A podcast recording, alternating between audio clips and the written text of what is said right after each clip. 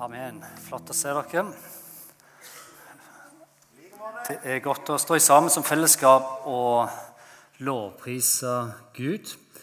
Tusen takk, Ole Georg med team. Det er virkelig en stor og flott tjeneste å være en del av et lovsangsband. I dag er vi i eh, tredje del av en eh, serie som vi har valgt å kalle 'Tro som holder'. Og vi er inne da i en serie og jeg tenker sånn at Når vi snakker om tro, så er bønn veldig connecta til en tro som holder.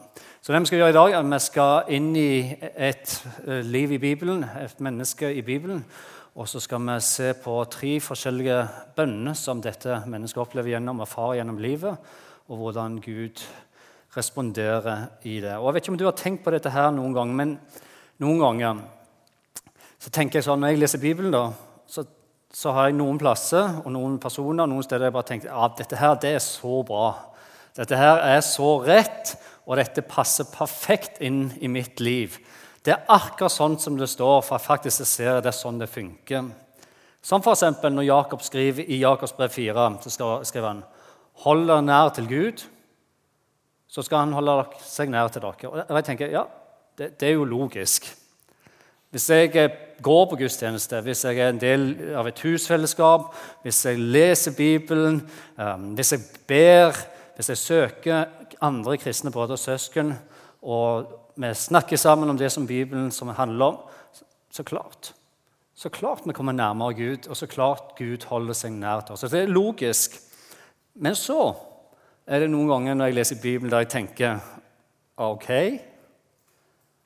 jeg vet ikke om jeg er helt sikker på det. Jeg vet det står i Bibelen, og vet at Bibelen er sann og tro, men, men, kan det stemme? Jeg får det ikke helt til å stemme, jeg får det ikke til å passe, jeg kjenner meg ikke helt igjen i dette. Og dette verset som vi skal inn nå i dag, det er sånn et vers som jeg har tenkt på mange mange ganger når jeg leser det. har jeg spurt meg selv. Det der er jeg ikke helt sikker på om stemmer helt. Og Verset jeg tenker på, er Jakobs brev 5, og det er vers 17-18, der det står dette. Et rettferdig menneskes bønn er virksom og utretter mye. Og det er greit. Men så fortsetter Jakob, og så sier han noe om Elia, som var profet i den tida han levde. Og han fortsetter. Elia han var et menneske under samme kår som vi. Og så fortsetter Han Han ba inderlig om at det ikke måtte regne. Med andre ord, han ba om at det ikke måtte regne. Og regnet stoppet i tre år og seks måneder, for det falt ikke en dråpe på jorda. Og så ber Elia på ny etter tre år og seks måneder. Og da ga himmelen regn, og jorden bar igjen grøde. Så det Jakob sier at Elia han levde under den samme himmel, på samme jord. Han var et menneske med samme vilkår som oss i forhold til Gud. Og nå vet ikke hva du tenker om dette her, Men når jeg leser om Elia i Bibelen, da, når jeg leser om denne profeten Elia i Gamle testamentet og ser hva han ba om, og hva han erfarte med Gud, så har jeg tenkt helt ærlig Jeg vet ikke om han er helt sånn som meg. Jeg vet ikke helt om han har samme vilkår som meg. Samme utgangspunkt som meg i det hele tatt. For bare se på eksempelet som Jakob bruker her i teksten. Han, han sier en gang så ba Elia, og så regner det ikke på tre år og seks måneder. Det var ikke et sky på himmelen, ikke en dråpe i de årene der. Og så, når det var gått disse tre år og seks månedene, så ba Elia på nytt. Og så åpner himmelen. Det startet med ei lita sky, og så ble det mer og mer, mer, så åpner himmelen seg. Og hele landet ble fullt av regn, og vannet fosset ned. Og landet bar igjen grøde. Og så sier Jakob at Elia, denne mannen her, var et menneske under samme kår som oss. Ok? Er du virkelig så sikker på det, Jakob?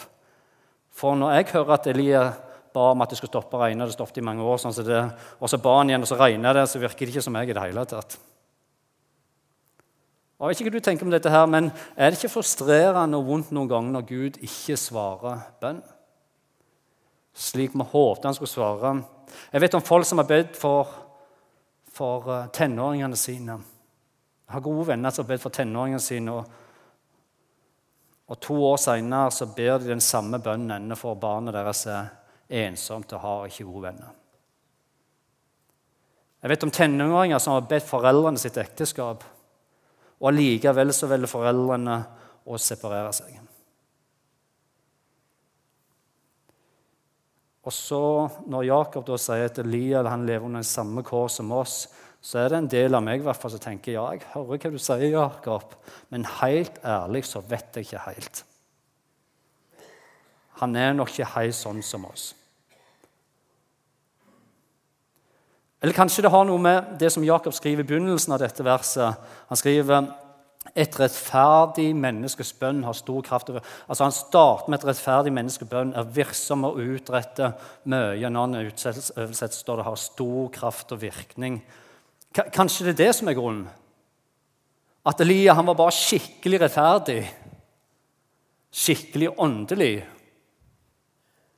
Og Derfor så var hans bønneliv så kraftfullt og effektivt. For sant? Det er jo én ting når moder Teresaen i verden sier at de levde som Elia.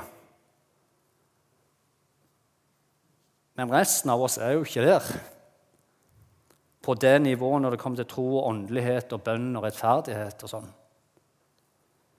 Vel, er det derfor? For at Elia var skikkelig rettferdig? Nei. Nei, det er ikke sånn det er. For det Bibelen viser oss, er det at Gud han gjør ikke forskjell på noe menneske. Og Det er derfor Jakob skriver dette. her, og I Romerbrevet 3 så står det dette her. Dette er Guds rettferdighet. Dette vil si å være rettferdig. Den gis ved troen på Jesus Kristus til hvem? Jo, til alle vi som tror. Her er det ingen forskjell. For alle har synda, og alle mangler Guds herlighet. Men ufortjent over Hans nåde så blir de kjente rettferdig, frikjøpt i Kristus Jesus. Med andre sier Guds ord at et rettferdig menneske ganske enkelt er en troende. En person som har tatt imot tilgivelse gjennom Jesus Kristus, og som har gitt sitt liv til Jesus Kristus, og som tror på Jesus. Og Det igjen betyr at Eliah hadde ingen fordel eller forsprang på noen av oss andre. Elia var ikke en av Guds favoritter, med et bedre utgangspunkt enn noen av oss. Han var ikke på et dream team med spesialutvalgte som var superrettferdige eller superåndelige, og derfor så responderer Gud. Nei, Elia han hadde ganske enkelt tro til Gud. Tro til Gud. Men det igjen tenker jeg at løfter jo et utrolig viktig spørsmål til oss som lever nå i dag. da. For hvis Elia var en mann under samme kår som oss.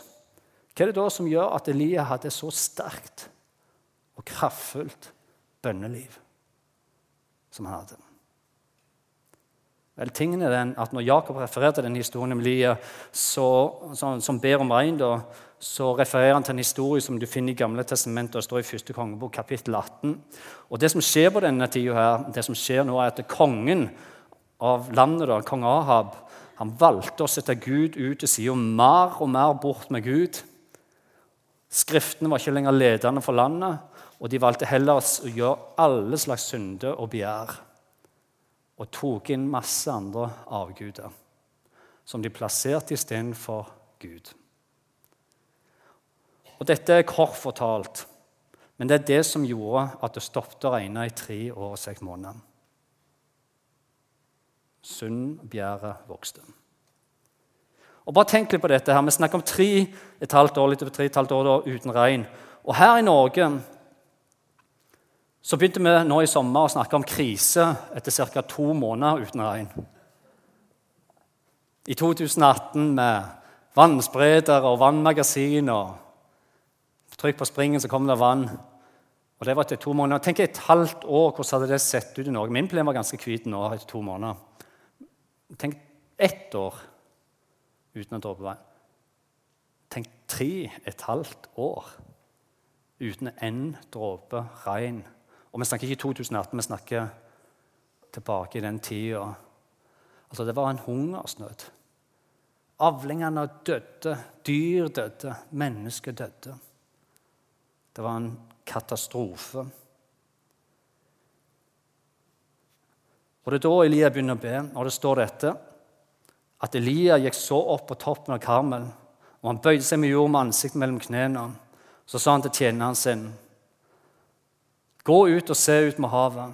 Gutten gikk opp og så utover, men sa, 'Det er ingenting å se.' Det står videre, sju ganger sa Elia, 'Gå opp igjen.' Og den sjuende gangen sa gutten, 'Jo, jeg ser en liten sky.' Det er ikke en større enn en menneskehånd, men han stiger opp over havet. Da sa Elia, gå nå og si til Ahab, som var kongen da, at han må spenne for å kjøre ned og kjøre fort ned, så regnet ikke stopper han. Da kom regnet etter tre og et halvt år. Så etter bønn så ser Elia endelig ei sky som kommer opp fra havet, som ble skydekket og pøsende regn. Og dette er det eksempelet Jakob velger å bruke når han skal skrive om hva det vil si å leve et liv med kraftfull bønn. Og husk at Poenget til Jakob er nummer én at Lia var under de samme kår som oss. Og nummer to så sier han at vi som er Lia, kan ha et levende liv med kraftfull bønn, der Gud virker gjennom bønn. Som rører Guds hjerte, som setter himmelen i bevegelse. Så det vi skal gjøre nå i dag, er at vi skal se på tre punkter i Elias sitt liv. Hva er det som gjør dette, at Elias har en sånn type relasjon med Gud? Som gjør at han kan be sånne bønner som det. Hva er det som gjør det? Og Det første Elias viser gjennom sin bønn, er dette her. At vi må være spesifikke i bønnen. Spesifikk. Som betyr at når vi ber, så må vi være konkret og be spesifikt. Hjemme hos meg så har jeg det slik at en av mine bønner som går igjen og igjen, er dette Jeg ber om å få lov til å møte mennesker som trenger Jesus. Jeg tror dette ordet som sier Jesus er 'høsten er moden, arbeiderne få' Hvis det er sant, hvis det er sant, Jesus, og jeg tilhører deg, så skal jeg i hvert fall være en arbeider. Så jeg ber konkret, ukentlig, la meg få være en arbeider, og la meg få møte mennesker som trenger deg, Jesus. Jeg tror det er sant, det Jesus sier. Jeg tror at han trenger arbeidere.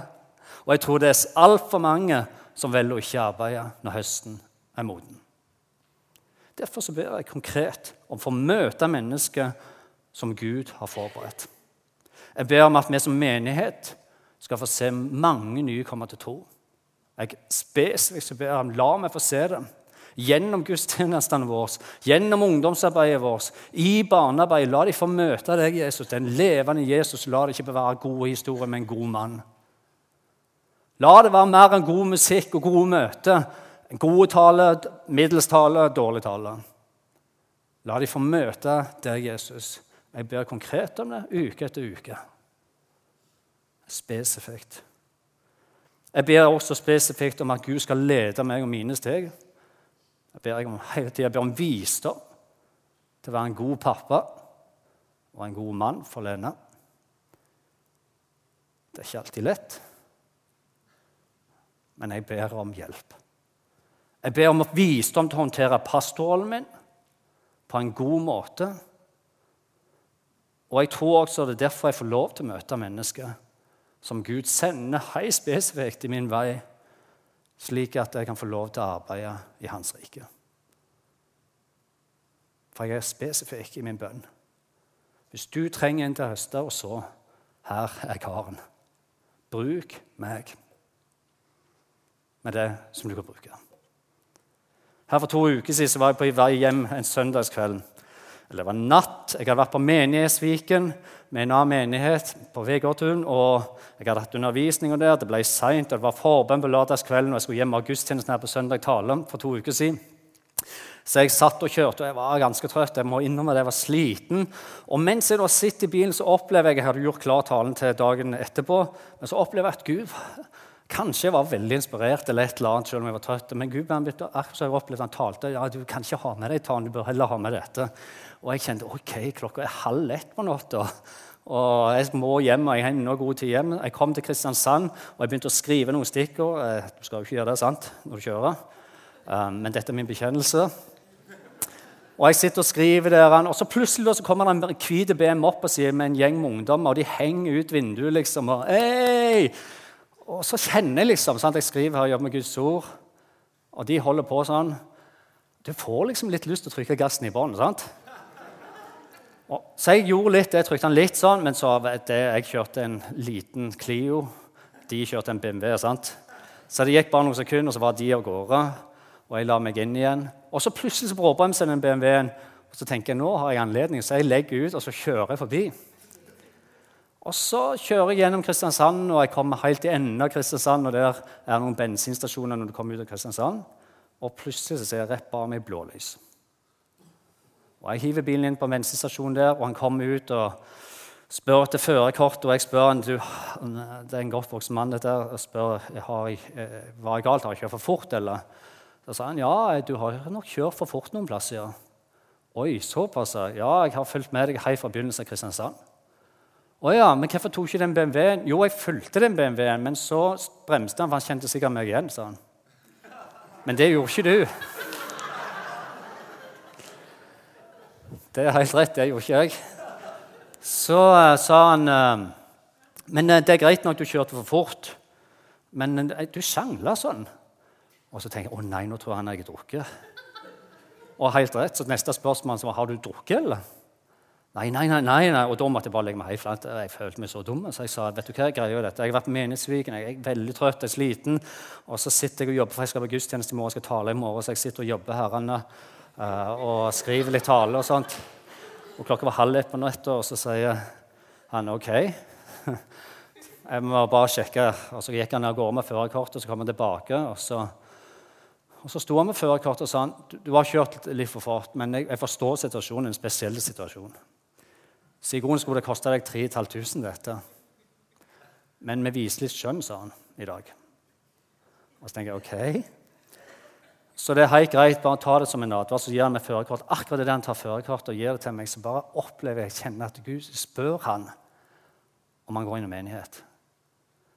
Og jeg bare spurte går du inn i menighet. du? Og så ble det stille noen sekunder, så sa han nei, jeg gjør ikke det nå lenger. Og så begynner han prat, og vi sitter og prater. Det er en politimann og meg midt på natta på en bensinstasjon. Han forteller om eh, han ble kristen på et alfakurs i voksen alder. Gikk i menighet mange år. Og så skjedde det en del ting som ikke ble helt greit for ham. Så han slutta og har ikke vært med i menighet på lang lang tid. Og når han forteller den historien, så bare kjenner jeg at det er ikke bra for deg. Det er ikke godt å være uten et fellesskap. Du kan ikke gå om sånn som det.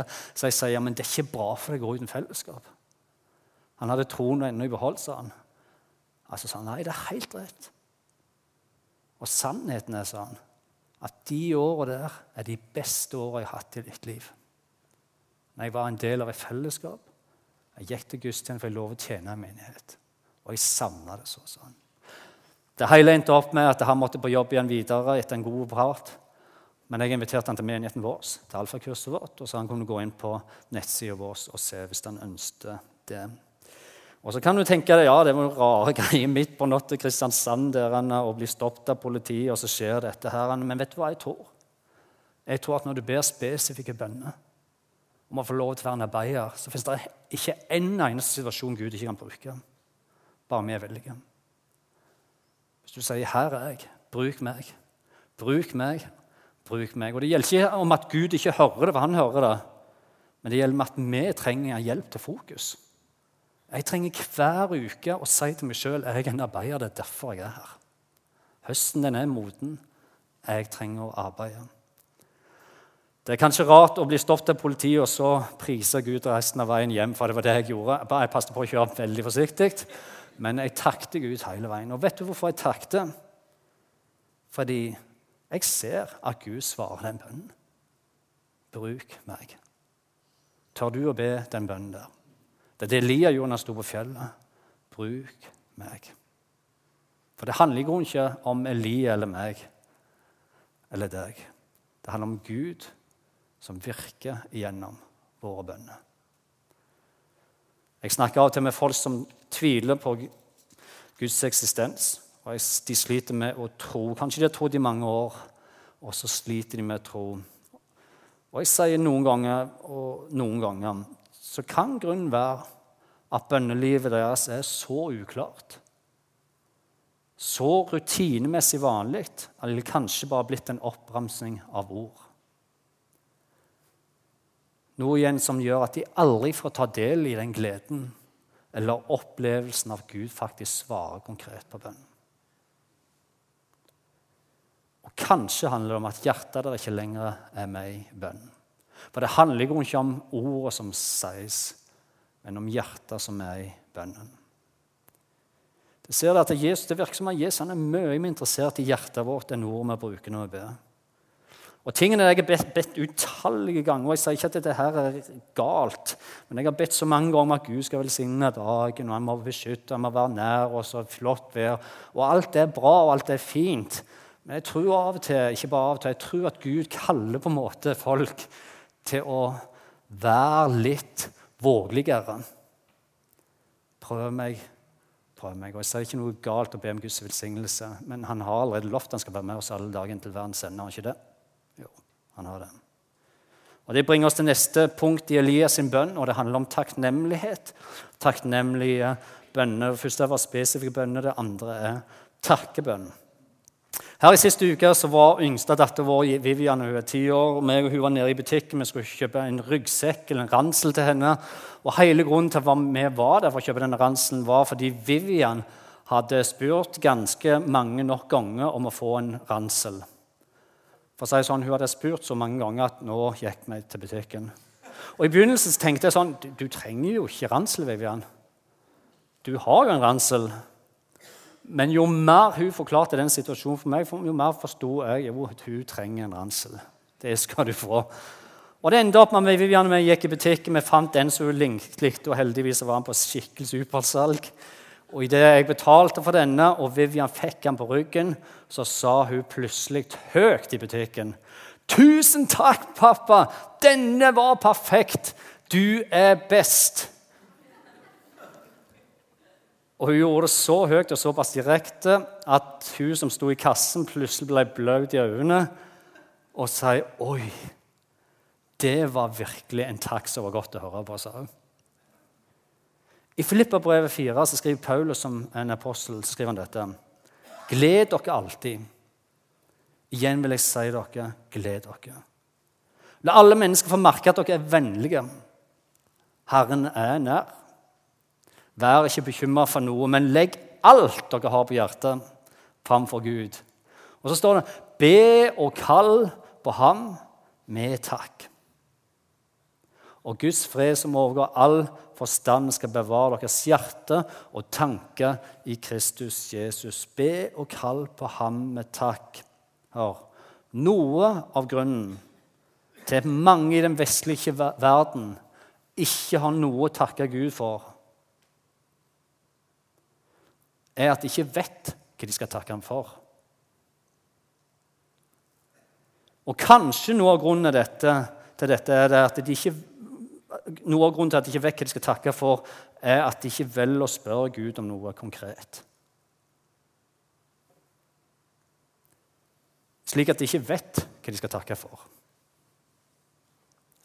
Thomas Judin, som er pastor og forfatter av mange mange flotte bøker, han skriver i boka si 'Det er mye man ikke må'. Så skriver han dette. Det har åpenbart skjedd en forskyving her. Fra takknemligheten over alt man har fått oppleve, til ergelsen over alt man til enhver tid går glipp av.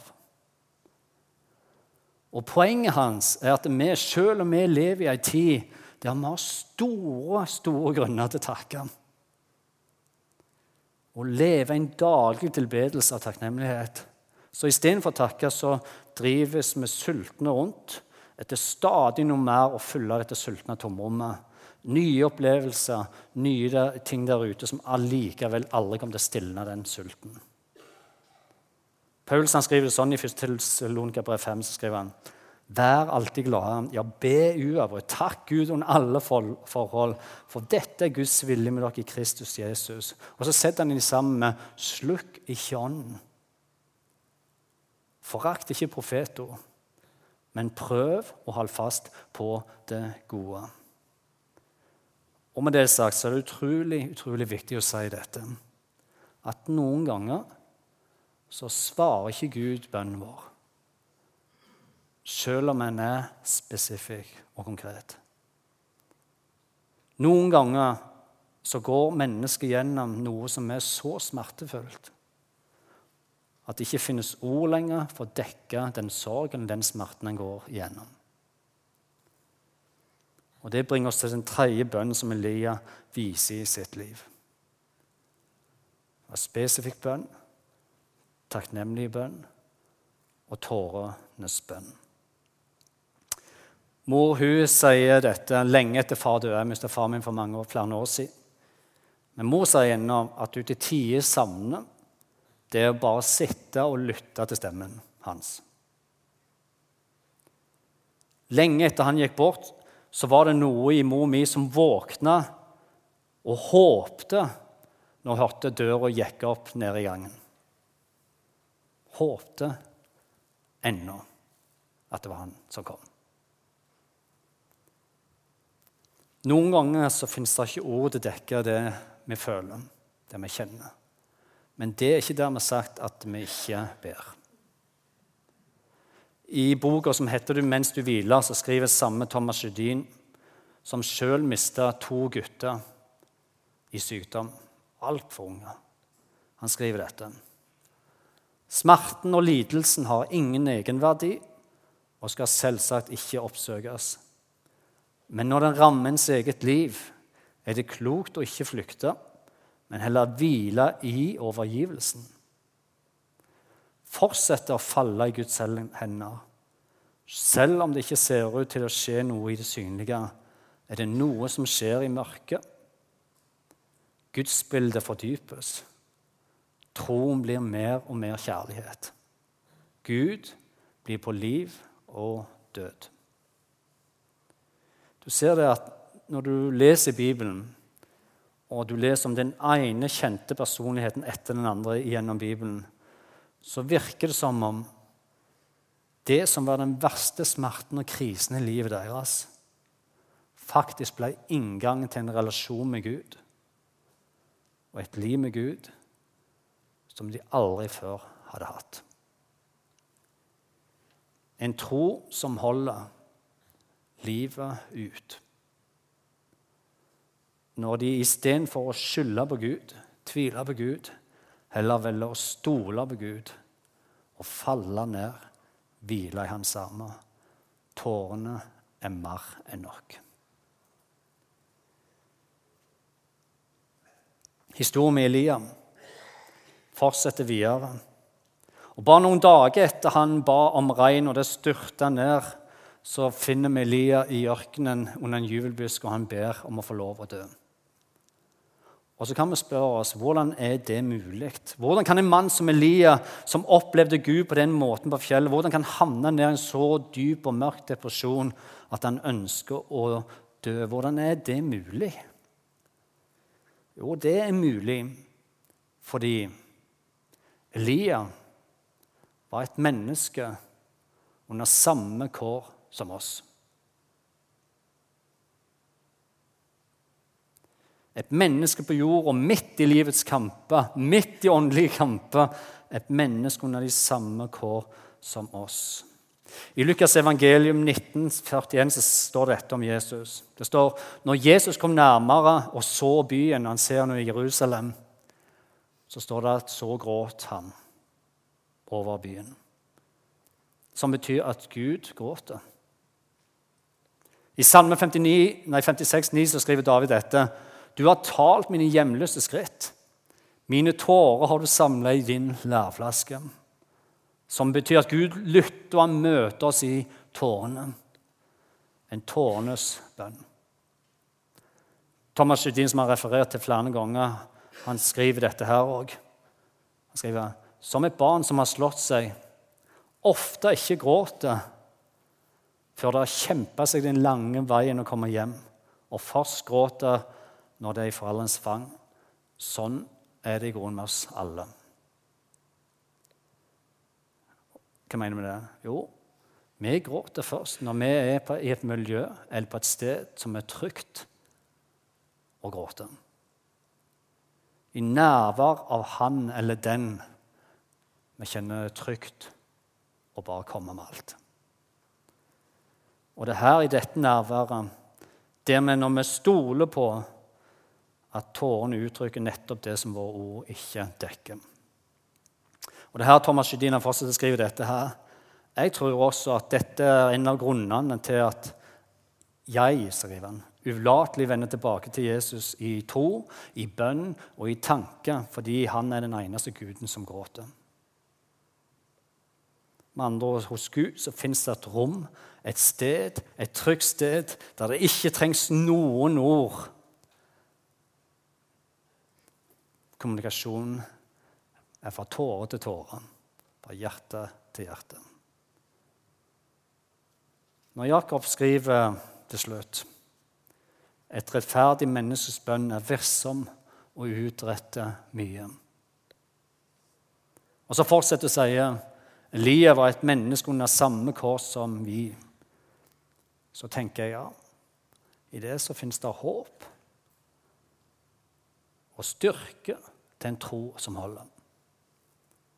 Elia han var et menneske under samme kors. Han var ikke mer rettferdig, han ikke, hadde ikke ekstra stjerne, han var ikke en av Guds favoritter.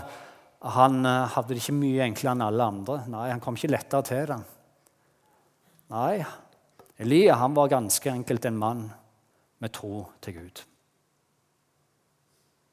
Med en relasjon til Gud. Med et godt og sunt farsbilde fordi han hadde erfart Gud gjennom spesifikk bønn han erfar Gud gjennom tilbedelsen av takknemlighet. Og han erfart Gud i tårnets bønn. Så til slutt, nå vet jeg ikke hva du tenker om dette, her, men kanskje du er her og du tenker ja, det er en ting å lese om Elia og de andre heltene i Bibelen. Det er en ting at Gud bruker dem og deres bønner og livet deres. Det er en ting at Gud kalte dem spesielt, men det er ikke meg.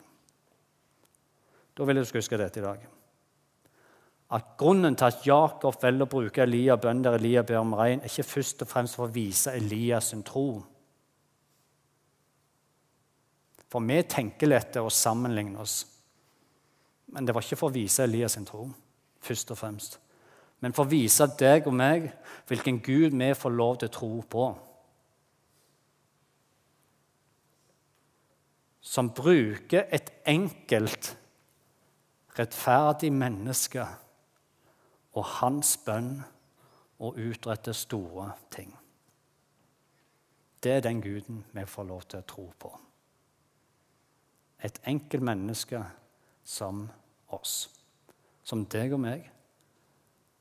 Ærlig relasjon med Gud akkurat der vi er i livet. Amen. Skal vi be sammen til slutt. Gode Far i himmelen, jeg takker deg her for dette ordet der Jakob skriver om en mann og en profet, Elia. Han skriver at han var et menneske under samme kår som vi. Og Det handler i bunn og grunn om at Gud Du kan bruke alle mennesker. Men det handler òg om hvor langt vi ønsker å gå og være i sammen med deg. Gode far, jeg takker deg for den enkelte av oss som er her. Du ser våre liv, og du ser hvor vi er. Og Jeg ber, Herre, for alle disse livsfasene, alle disse stedene. Jeg ber og takker deg, Jesus, for du er der alle steder. Det er ingenting som er større eller mindre enn noe annet, Herre, men du har et rom, og du har et sted der vi får lov til å komme inn akkurat der vi er.